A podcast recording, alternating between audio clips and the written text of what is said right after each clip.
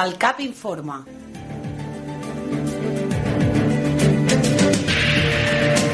El CAP al teu costat. L'equip d'atenció primària Martorella Sant Fos vetllem per la teva salut. Compromesos amb la vida us oferim els nostres consells.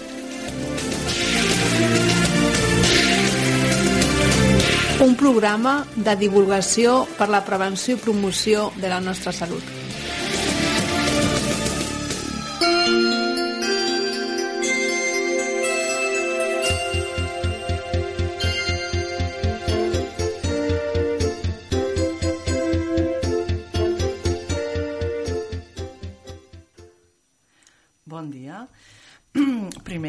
Gràcies a la Ràdio Sant Fos, especialment al senyor Rafel, per convidar-nos avui i parlar de l'activitat física.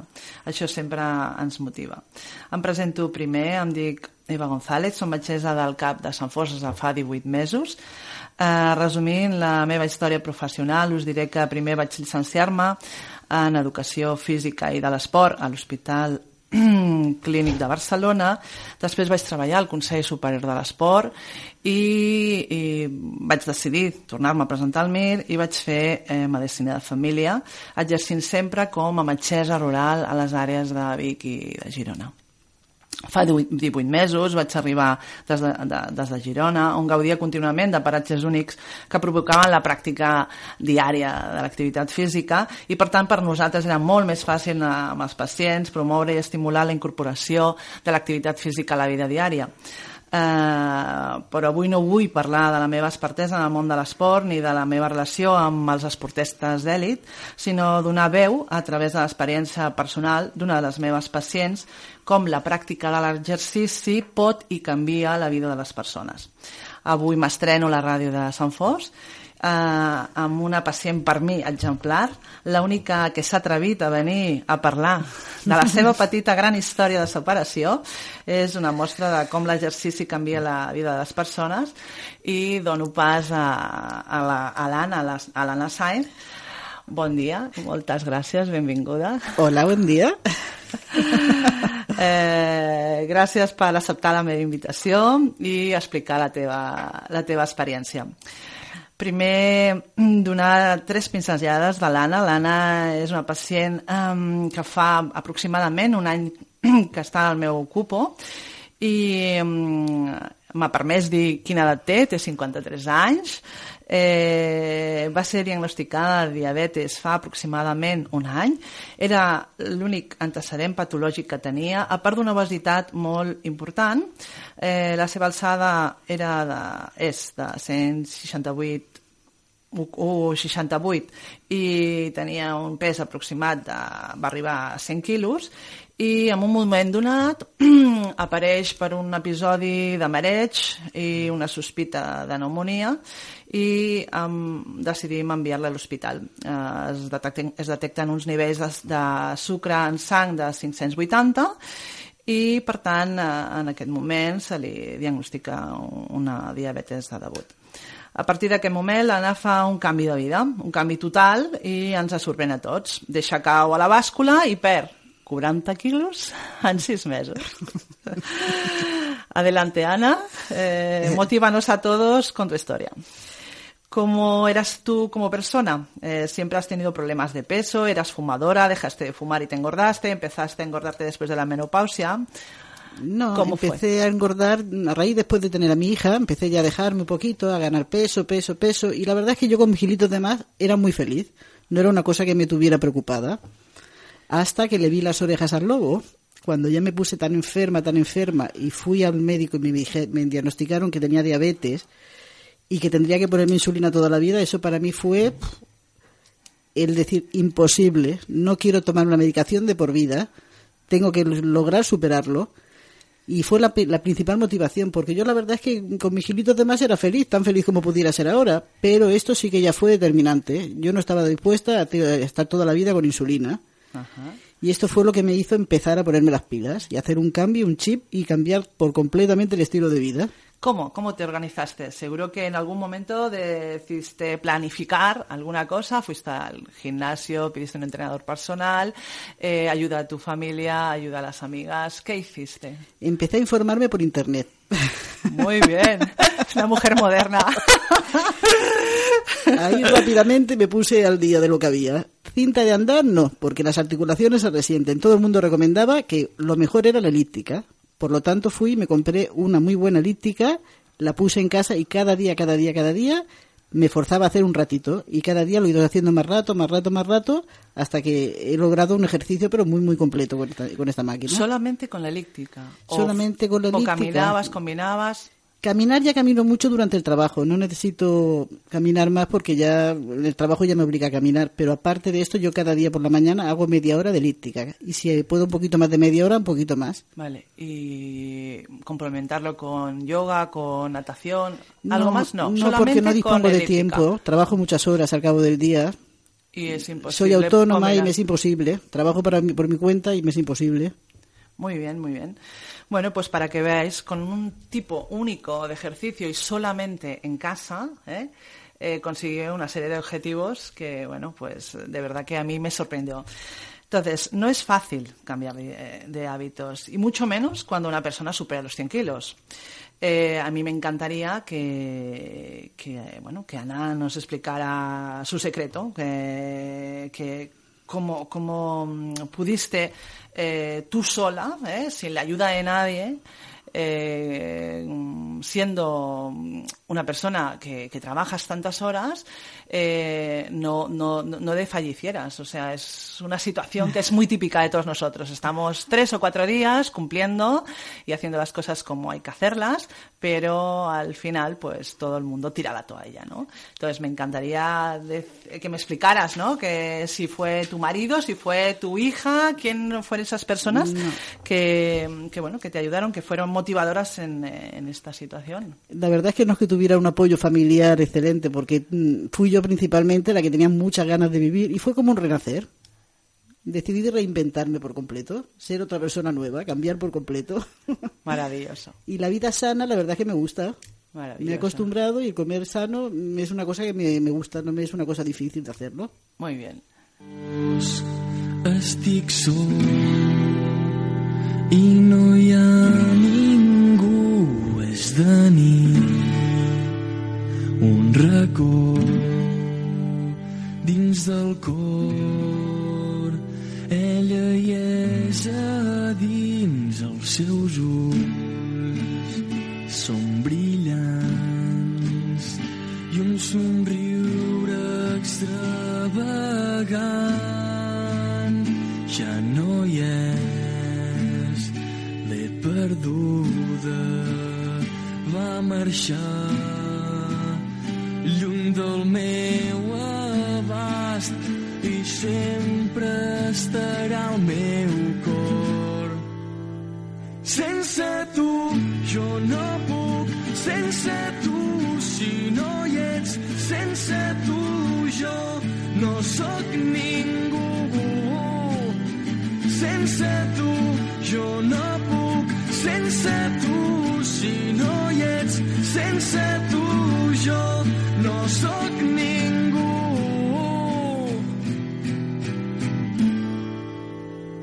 És de nit, és tot fosc.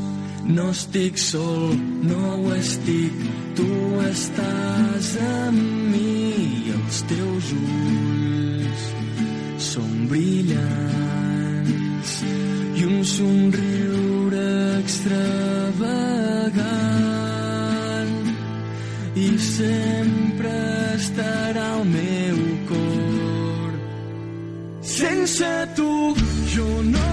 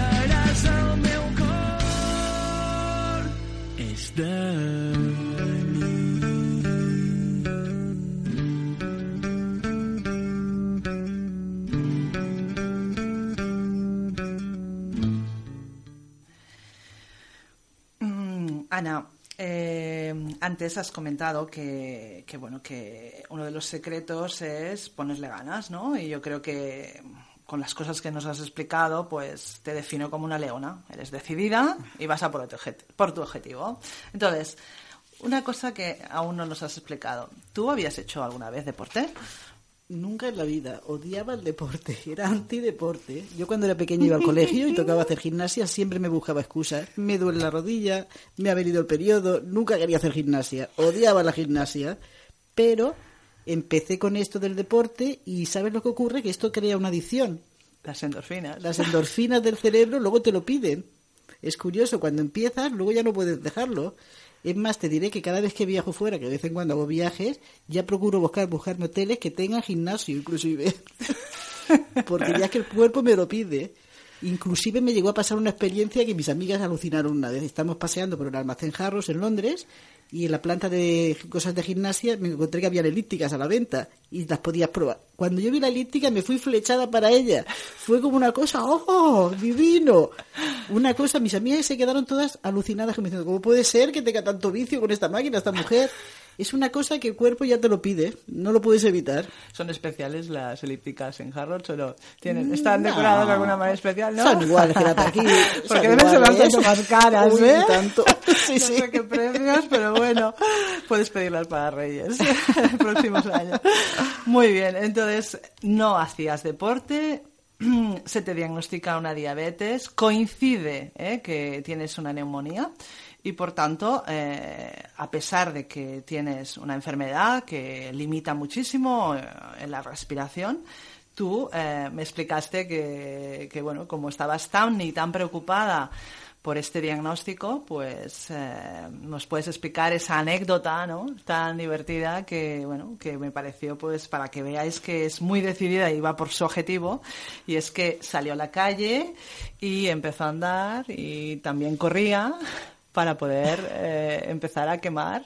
Y, y bueno, eh, me gustaría que, que explicaras la sensación que tenías estando con una neumonía y intentando ir a caminar o a correr. Que, que bueno, explícanos. Es que lo vi un poco complicado el tema de salir a la calle porque yo salía dispuesta a correr y corría, pero sudaba. Entonces, como sudaba, después el sudor me daba el aire y pensaba, digo, si estoy con la neumonía, digo, esto más bien me va a ser contraproducente. Me va a ir bien para una cosa, pero no me acabaré de curar de la neumonía. Entonces pensé que esa no era la buena solución. No podía salir a la calle a correr y sudar porque era una época que todavía hacía frío el aire se me enfría, el sudor se me enfriaba y no me parecía tampoco, digo, estando con la neumonía va a ser peor el remedio que la enfermedad. Por eso decidí de hacer el deporte en casa, dentro. Muy bien. Pues siempre, ¿no? Cuando tenemos una infección eh, que se acompaña de fiebre o, o cuando nos limita durante unos días, lo prudente es dejar de hacer esa actividad física, una actividad física que, que, bueno, que la coges con muchas ganas, pero que hay unas cosas que son prioritarias y luego cuando curamos eh, esa infección o esa situación, pues podemos empezar eh, de nuevo, de cero, y eh, me gustaría que nos explicaras tu rutina, ¿eh? porque claro, si tú nunca habías practicado deporte y resulta que empiezas de cero, pues eh, no podemos empezar de cero y llegar al máximo, y tú parecías que estabas muy y muy motivada. ¿Cómo lo hacías cada día? Yo empecé poquito a poquito. El primer día 10 minutos, el segundo 12, fui subiendo así progresivamente. Y la máquina flojita, Después cada vez le ha ido subiendo más, de fu más fuerte para tener que hacer más esfuerzo. Con resistencia. Con resistencia, con mayor resistencia. Ahora, hasta que llegas al momento que ya puedes empezar calentando músculo y ya subir ya a tope y ya a tope todo el resto de máquina. Yo estoy 30, 40 minutos, no estoy más tampoco, ¿eh? Uh -huh. Porque claro, dispongo de poco tiempo porque me tengo que ir a trabajar corriendo, en fin. Y si puedo lo hago dos veces al día, pero no siempre puedo dos veces al día porque a veces a la noche llego ya muy cansada de trabajar y ya no... ¿Y de lunes a domingo? Sí, de lunes a domingo, sí, o sea, sí, no, siempre. ¿No haces ni un día de descanso? No. Inclusive a veces he tenido que coger un vuelo a las 6 de la mañana y me levanto a las 4 para Madre hacer la mía, máquina antes qué de irme. motivación. sí, sí, sí. Esto es un ejemplo de mujer. ¿Por qué os pensáis que la he traído? Esta no la sabía. Impresionante, de verdad. Es ¿eh? que el cuerpo me lo pide, además. Creo que la que voy a aprender soy yo de ti. Pues, de- aparte de, de que practicas el, la elíptica eh, y no haces otros deportes, eh, has hablado de una dieta. Eh, ¿Qué tipo de dieta haces? Yo considero que yo no hago dieta. Yo como saludable, que para mí es muy diferente. Yo antes bien. comía mucha comida basura, mucho frito, mucho Muchas debilidades, ¿no? Muchas muchas debilidades. pasteles, mucha Coca-Cola. Todo eso lo he quitado de mi vida, lo he aparcado. Entonces yo para mí cuando mucha gente me dice, ay, ¿cómo has adelgazado tantos kilos? ¿Qué dieta has hecho? Es que no he hecho dieta. ¿Cómo que no has hecho dieta? No me lo puedo creer, que sin régimen hayas adelgazado esa barbaridad. No, solamente hago vida sana, que es muy diferente. Esto es un ejemplo, es un ejemplo porque nosotros lo, explicamos en la consulta e intentamos eh, no ser estrictos con los pacientes, intentamos eh, convencerlos que tenemos que hacer cambios de hábitos y un cambio de hábito es un tipo de comida, un tipo de comida fast food, un tipo de comida mm, sin orden, ¿no? Y luego, pues, intentar caminar, simplemente una actividad física fácil y una actividad física que mm, podemos hacer y que es barata y que la podemos hacer a cualquier hora, es caminar. Si luego se añaden otro tipo de actividades físicas o de deportes, pues genial, que a cada uno el que le guste. Pero sí que es muy, muy importante intentar no hacer dieta. No, yo tampoco estoy a favor de ningún tipo de dietas, que hay un montón. Sí, hiperproteicas, sí, un estudio metabólico, sí. No, empezamos siendo más ordenados y sabemos todos, ¿no? Qué tipo de comida podemos comer. Entonces, intentar retirar las Coca-Colas, eh, los fritos, eh, los embutidos, los quesos tan deliciosos y seguro, seguro, ¿eh? seguro que se pierde peso y seguro que poco a poco nos vamos adaptando a un, tipo de comida diferente. Eh, eh, explícanos un poco eh, qué tipo de tratamientos tomaste. ¿Tomaste algún tratamiento al principio, no? Para bajar peso o para mejorar seguramente tus niveles de glicemia. Te recetamos insulina. ¿Y qué tratamiento estás haciendo ahora? Yo empecé tomando insulina, una cantidad bastante considerable de insulina, además dos veces al día. Sin pastillas, solamente insulina. No, y pastillas también, Ah, sí, sí. vale, Insulina y pastillas, las dos cosas Bien. eran. Y de ahí, como iba bajando de peso y iba haciendo deporte, me fue bajando muchísimo los niveles del azúcar y me fueron bajando la insulina, bajando, bajando, bajando. ¿Cuánto tiempo, perdona? Pues empecé en febrero y en mayo ya me retiraste la insulina. En mayo ya desapareció la insulina. Entonces apareció una pastilla que sustituía la insulina y esa pastilla duró dos o tres semanas y también desapareció. Solamente me quedé con la metaformina. De la metaformina me quedé a dos pastillas, una por la mañana y una por la noche, y ahora ya hace unos meses que solamente he pasado a una pastilla. Muy bien. Y ha pasado prácticamente un año ya, ¿no? Sí. Un año. Para que veáis. La verdad es que querer es poder, yo siempre lo digo. Querer es poder. Y ella es un ejemplo de ello. O sea, una persona con una obesidad importantísima, por encima de 100 kilos, una persona que come mal y que cambia sus hábitos. Una persona que introduce en su vida de nuevo, ¿eh? que nunca habría practicado deporte, una persona que se le pone insulina, que todo el mundo se niega ¿eh? a poder hacer tratamientos alternativos a la insulina. Es muy complicado ah, para algunas personas, pero todo eh, tiene un punto confluente en esta situación, el deporte, ¿eh? la actividad física, el ejercicio, ¿eh? intentar cambiar ¿eh? de, de hábitos hacen que, que Ana en estos momentos esté sin insulina y con una única pastilla y que bueno mm, mantenga esas ganas de continuar haciendo y practicando actividad física. Seguro que nos estarán escuchando muchísimos pacientes, algunos diabéticos con características parecidas a ti. ¿Qué es lo que te costó más a ti cambiar?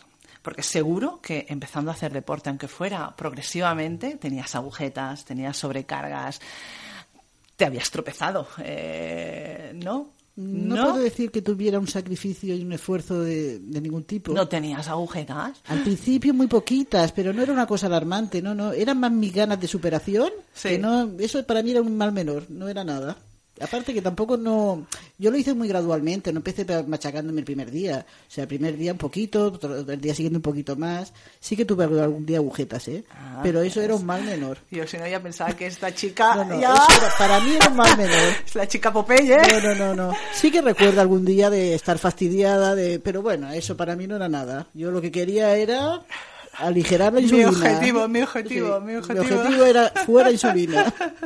Bueno, bueno, pues entonces, por lo que veo, ¿no? Creo que nunca te planteaste en abandonar. No, cosa no, no, que esto hacen un montón de pacientes. Para mí la insulina era un calvario. Hasta para viajar y todo tenías que llevar unos papeles especiales para poder pasar las adu- Era un coñazo la insulina. O sea, yo lo tenía clarísimo que tenía que desaparecer de mi vida sí o sí. Muy bien, muy bien. Eso es convencimiento. Eh, ¿Alguna otra anécdota divertida, como me has explicado en la Ah, consulta? pues sí, mira, yo tengo una tienda de ropa y cuando me venían las señoras, pero esto me ha pasado ya con un montón de señoras, eh, ¿qué está la otra chica? Digo, ¿qué otra chica? Sí, digo, mi dependiente, una chica rubita con ojos azules, la Loli. No, no, no, la dueña. Digo, no, si la dueña soy yo. No, la señora aquella gordita. Digo, la señora gordita soy yo, perdona. Ay, es que estás tan cambiada, pues es que no te había reconocido. Y esto me ha pasado, pero con un montón de clientas. sí, sí, que no me conocen. Esto te motivaba más, ¿no? Sí, sí, 20 sí. mil veces más. Vaya. Es que, de verdad.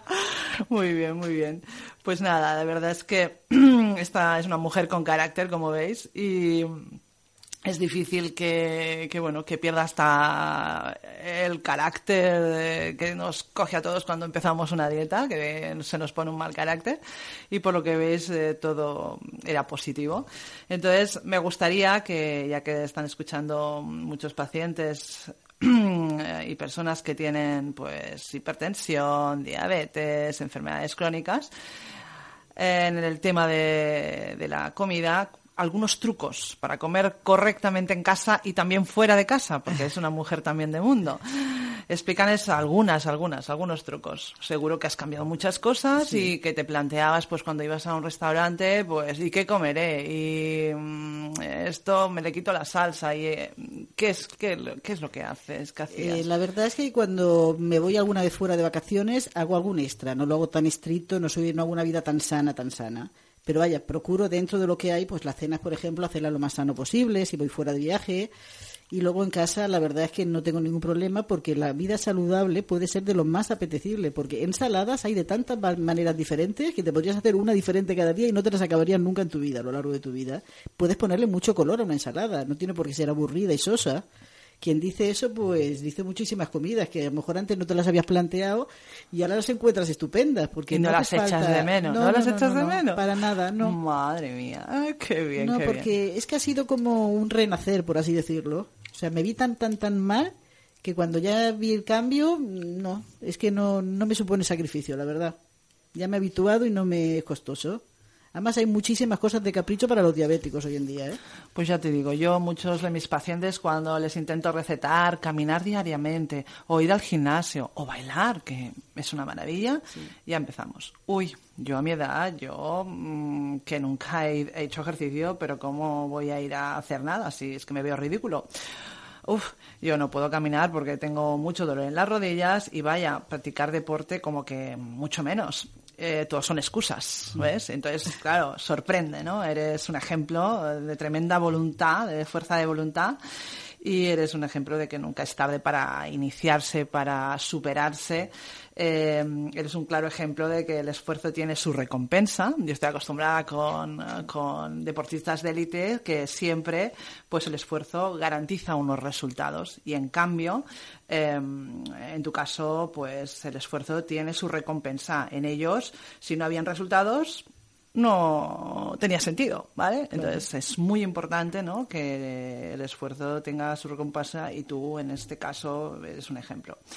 Eh, entonces, delante de una persona como ella, ¿no? Pues eh, nos conocemos, pero bueno, la verdad es que hay algunas características o capacidades que me gustaría que tú me dijeras de ti, porque creo que eh, eso motivará a otros pacientes a, poder cambiar. Es muy difícil que mm, se sigan eh, tantos días sin desfallecer y tantos días con una situación tan eh, tan normal ¿no? y que y que nadie pues eh, tenga que motivarte ¿no? entonces cómo cómo qué- cómo te, te reconoces tú qué capacidades tienes que podrían los demás poder utilizar Hay que buscarle truquis a esta vida. Todo tiene su truqui. Yo, por ejemplo, en la elíptica, cuando me pongo en la elíptica, yo no me pongo sin nada, me pongo mi tablet y me pongo series. Soy una adicta a las series, he de reconocerlo. Breaking Bad, Outlander, todo este tipo de series me enganchan desde el primer momento. ¿Qué hago? Tengo la excusa perfecta de tener que ponerme cada día en la máquina porque quiero ver un episodio, quiero saber lo que pasa en el episodio siguiente. Entonces yo me pongo allí con mi tablet y pim pam, pim pam, y estoy entretenida, se me pasa volando el rato.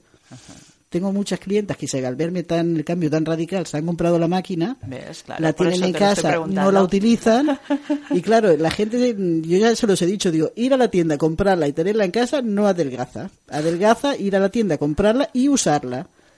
Ay, es que es muy aburrido. Digo, bueno, pues ponte una película, ponte música, algo que te motive, que te distraiga. Digo, si no, es que se hace muy soso, muy aburrido. Digo, buscarle el truque a todo. Ay, es que me canso y sudo, hombre. A ver, no es lo mismo que estar sentada viendo la tele comiendo pipas. No nos engañemos. Cualquier tipo de ejercicio físico te supone un esfuerzo. Digo, pero es que cuando empieces, lo que pasa es que el- el- la gente lo que le cuesta más quizás es el principio, el empezar. Pero yo pienso que una vez empiezas, ya el deporte te engancha de por sí, te absorbe. Bueno, yo creo que empezar y continuar. Yo creo que sí. Yo creo que las dos cosas, ¿eh? No, no, porque hay unas endorfinas que el cerebro ya te lo pide, te pide esa marcha, te lo pide, te lo pide. a ti se te producen de una forma exagerada y te enganchan. Muy bien, muy bien.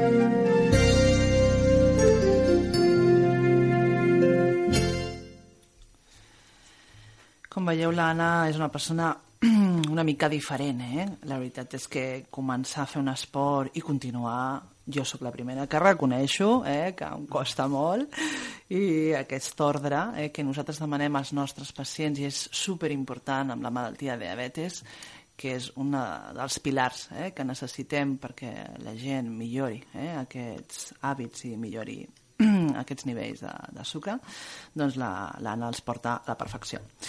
Ah, ¿Cómo vives actualmente tu relación con esta enfermedad? Mm, Muy bien. O sea, para ti fue un jarro de agua al principio cuando la diagnosticaron Sí. y ahora la vives normal, la Normal, vives sí, bien. Sí, lo llevo muy bien. Es que ya no me considero casi ni diabética, te diría, fíjate. Muy bien, ¿ves? que es que casi, es Casi ni verdad. diabética, no me considero ya. No, no. ¿Cuáles son tus próximos objetivos en estos momentos? Me falta bajar unos 7 kilitos, más o menos. ¿Has bajado hasta ahora? Ahora estamos hablando de un año, 30 y algo. 30 y algo. Vale, perfecto. Pero me gustaría unos 7 kilitos más acabar de bajar. Bueno, tampoco es...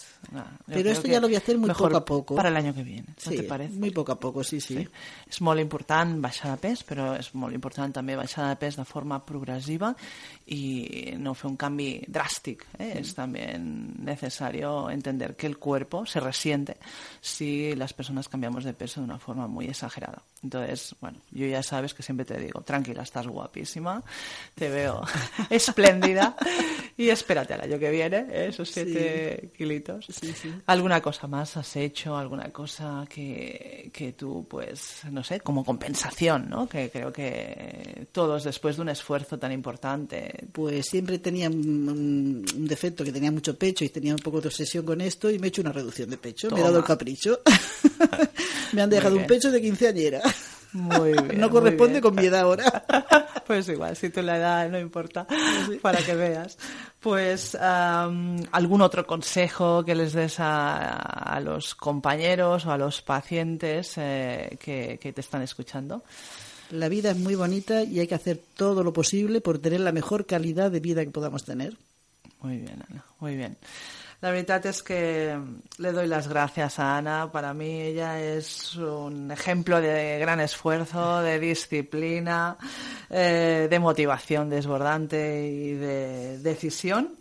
Ella convencida llegó a sus objetivos, eh, los mantiene, eh, tiene muchísima paciencia y sobre todo una de las cosas que intento eh, hacer entender a la gente que tenemos que ser ordenados y constantes. ¿eh? La constancia es muy importante para esta enfermedad y nos ha demostrado que todo es posible. ¿eh? Nos podemos reinventar, reinventar siempre, a cualquier edad, en cualquier momento, en cualquier lugar del mundo y querer es poder. Y todo se puede conseguir. Muchas gracias, Ana. De nada, a ti. Estic sol i no hi ha ningú, és de nit. Un racó dins del cor, ella hi és a dins els seus ulls, són brillants i un somriure extravagant ja no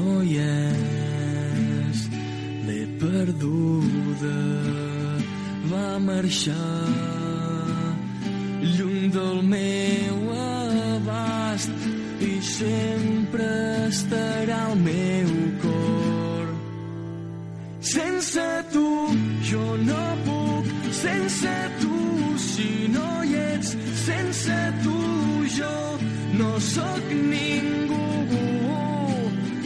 Sense tu jo no puc, sense tu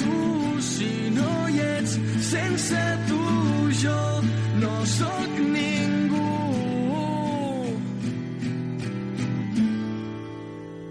És de nit, és tot fosc. No estic sol, no ho estic, tu estàs amb mi i els teus ulls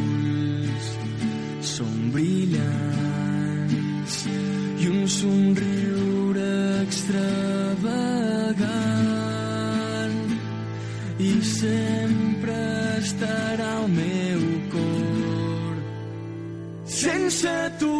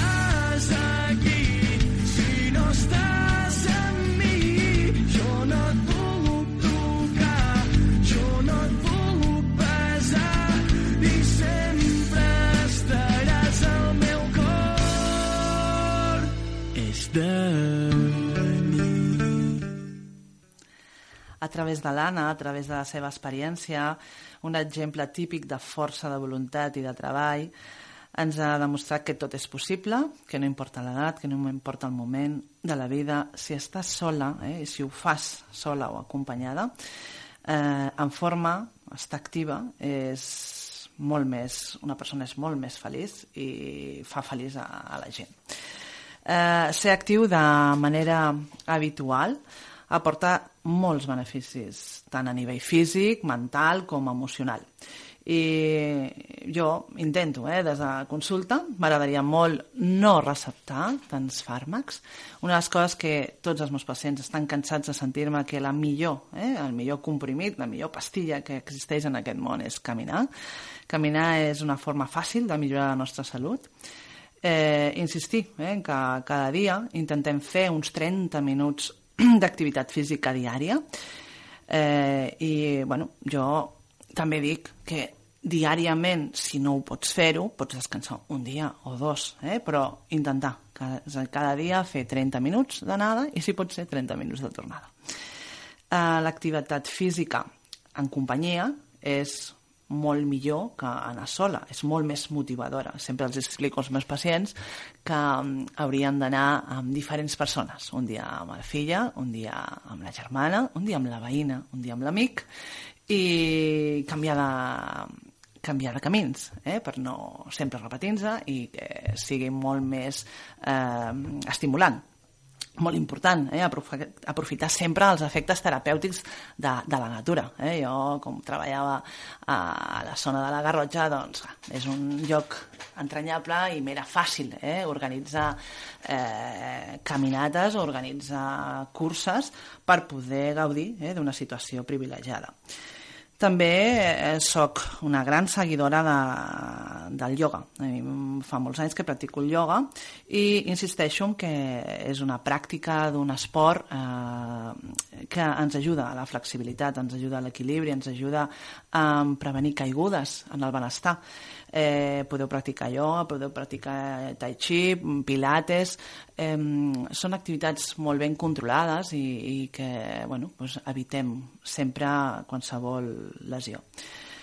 També molt i molt important aquesta lluita eh, que tenim amb el sedentarisme. Eh, hem hem d'intentar eh, moure'ns i per moure'ns moltes vegades eh, posem mil excuses i sempre dic que és important eh, que tinguem companyia i si no en tenim, doncs utilitzar la música. La música eh, és una de les teràpies més importants que existeixen i hi ha gent que per anar a córrer o per relaxar-se utilitzen diferents tipus de músiques. Doncs, eh, nosaltres des de l'ambulatori a vegades doncs, en els cursos de psicoeducatiu intentem posar un tipus de música relaxant o un tipus de música estimulant.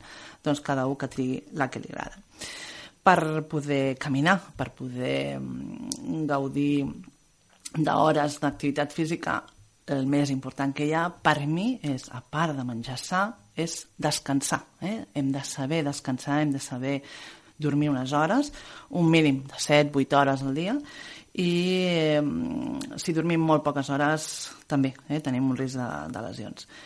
Jugar i riure, eh? sobretot qualsevol activitat en companyia, doncs tenim més possibilitats en riure, eh, en compartir, i per tant, eh, insisteixo sempre eh, en l'inici, a la pràctica de yoga amb els nanos, amb els nens, eh, fer qualsevol cosa, intentant jugar, intentant riure, i començar ja des de ben petitons a gaudir de la natura i fer qualsevol tipus d'activitat física, sigui a l'estiu, sigui a l'hivern. La muntanya, la platja, els llacs, tenim moltíssimes opcions i, i així compartim activitats, compartim vida, compartim més que tablets i mòbils i tot això que ens està arrastrant a tots i, i, bueno, i compartim la vida diària amb, amb els, els nostres familiars.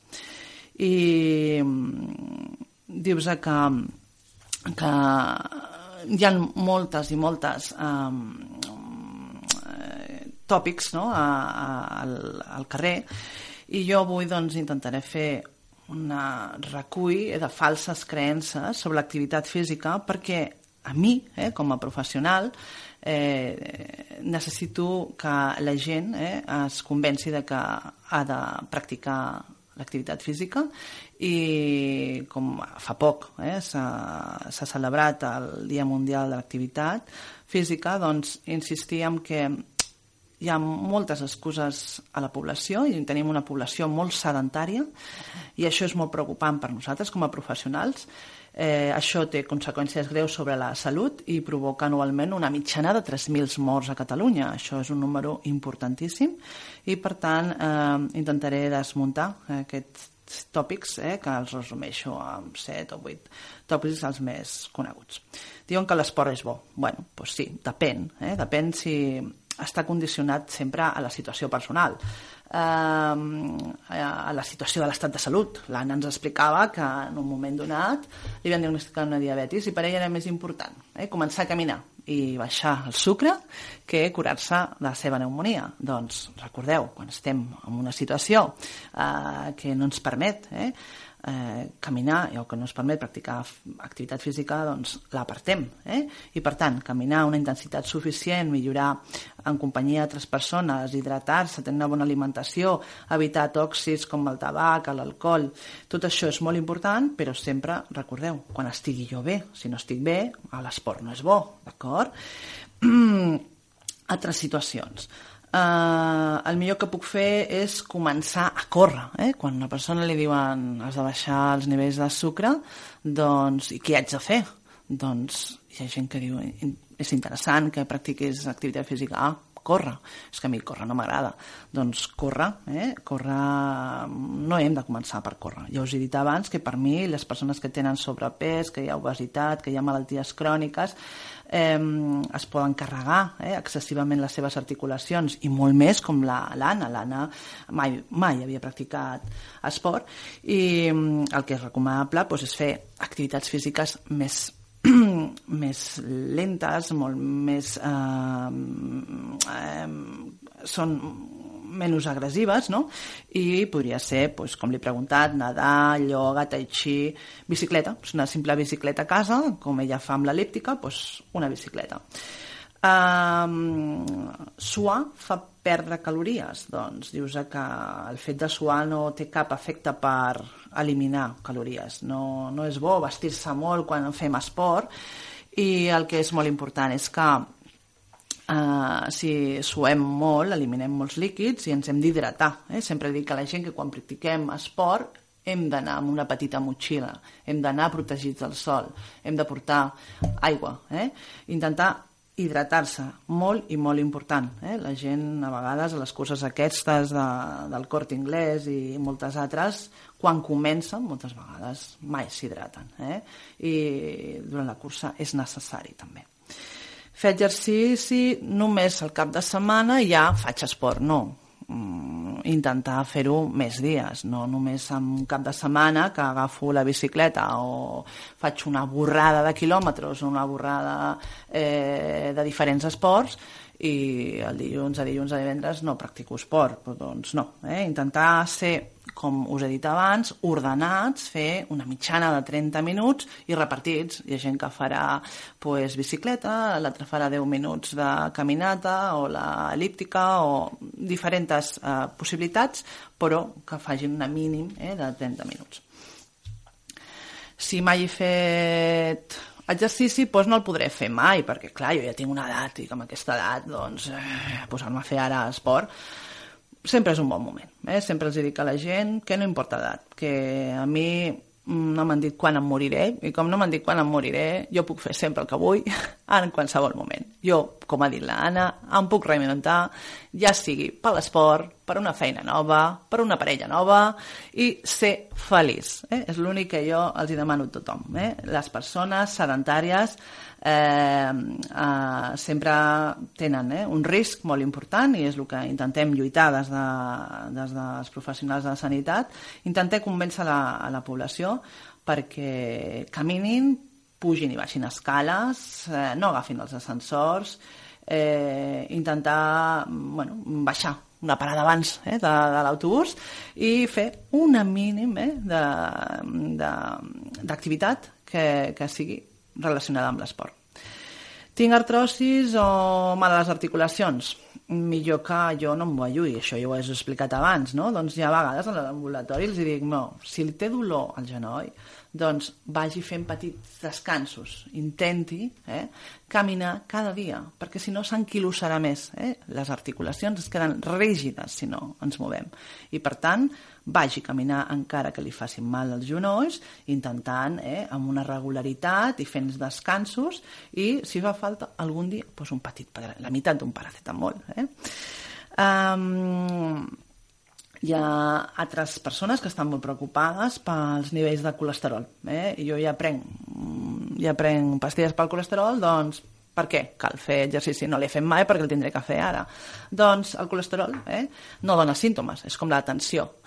I la tensió alta dona, tenim factors de risc molt importants que hauríem de evitar. Pues aquests factors de risc es controlen eh, fent activitat física diària i, per tant, eh, si estem eh, prenent colesterol, amb més mot eh, pastilles pel colesterol, amb més motiu haurem de, de, de caminar, eh? perquè el que no pot ser és que jo doni pastilles per un costat i l'altra persona per l'altre costat estigui menjant fast food.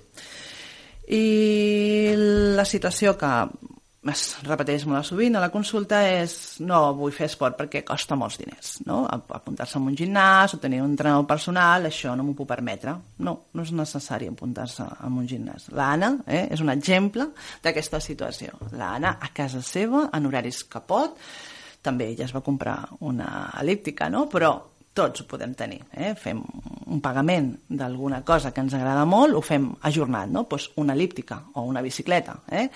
Podem fer-ho igual i d'aquesta manera doncs nosaltres no tenim que pagar cada mes un gimnàs o un entrenador personal. I per tant, eh, no costa diners. Això és fals. Val? I mm, parlaria de moltes coses, dels mites de nutrició i sí que possiblement doncs, més endavant podem fer una, un treball aquí a la ràdio sobre el tema i mites de, de la nutrició però eh, se'ns acaba el temps no?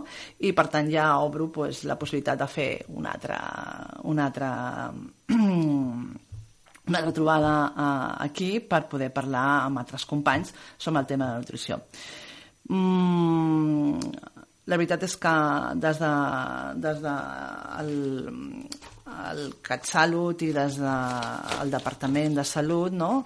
eh, una de les coses que, que demanem és que ens donin ajudes, eh? ens donin ajudes des de l'ambulatori per poder eh, fer que la població surti al carrer. I si fa falta, sortim nosaltres. No?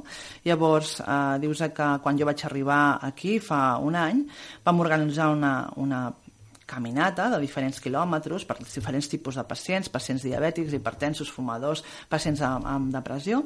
I mm, ara hem tornat a fer una altra trobada per celebrar el Dia Mundial de, de l'Esport i aquesta vegada ha estat una, una, una matí, un matí eh, de marxa nòrdica. Eh, va estar organitzat amb, amb el cap de, de Sant Fos i l'Ajuntament de Martorelles i el de, de, de Caldón de, de Ciutat Vella eh, i el va, el va organitzar la nostra companya, l'Ester Mendoza, de, que és la nostra referent de l'activitat física a l'ambulatori. Des d'aquí li, li mano una forta abraçada perquè la tenim de baixa, la tenim de baixa per efectes secundaris de l'activitat física, però espero que s'incorpori aviat. I el Bru també la porta a que ella pugui venir a parlar-vos a vosaltres perquè la intenció era entrevistar a l'Anna i entrevistar també a l'enfermera que ens parlés de, de la marxa nòrdica. Per tant, també espero que ben aviat ella pugui venir i pugui posar-vos aquesta activitat i d'altres que estem fent al nostre cap i des d'aquí doncs mm, podríem estar parlant de moltes causes però insisteixo i us convido a, reinventar-vos, us convido a continuar eh, i si fa falta doncs veniu a l'ambulatori i farem eh, diferents trobades per marxa nòrdica i altres caminates.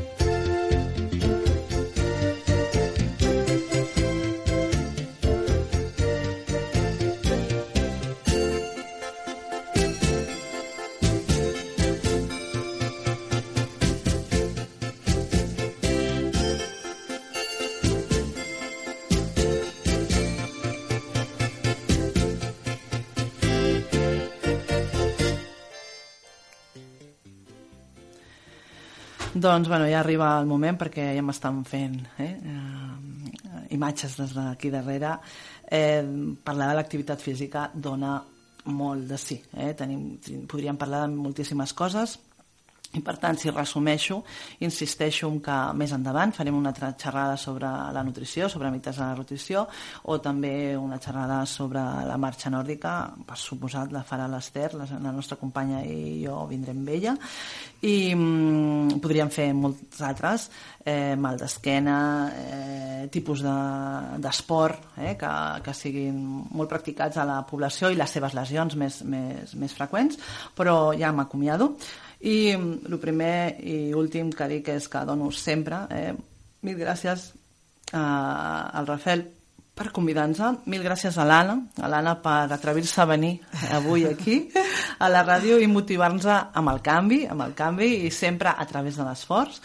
I mil gràcies sobretot a- al meu equip, a l'equip de l'ambulatori, a les infermeres, a les administratives, a les metgesses, als metges, en la lluita d'ullaire que tenim per millorar la salut de, de tots nosaltres. Fins ben aviat i una abraçada.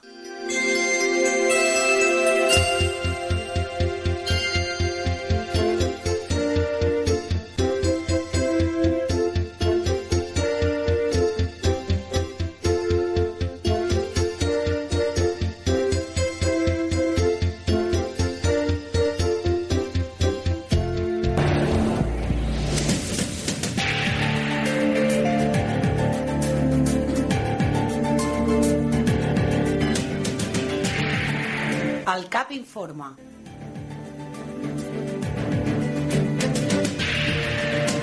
El CAP al teu costat.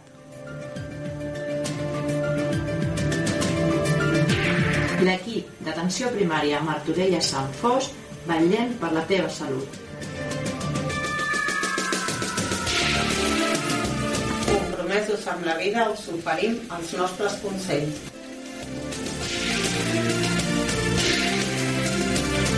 Un programa de divulgació per la prevenció i promoció de la nostra salut.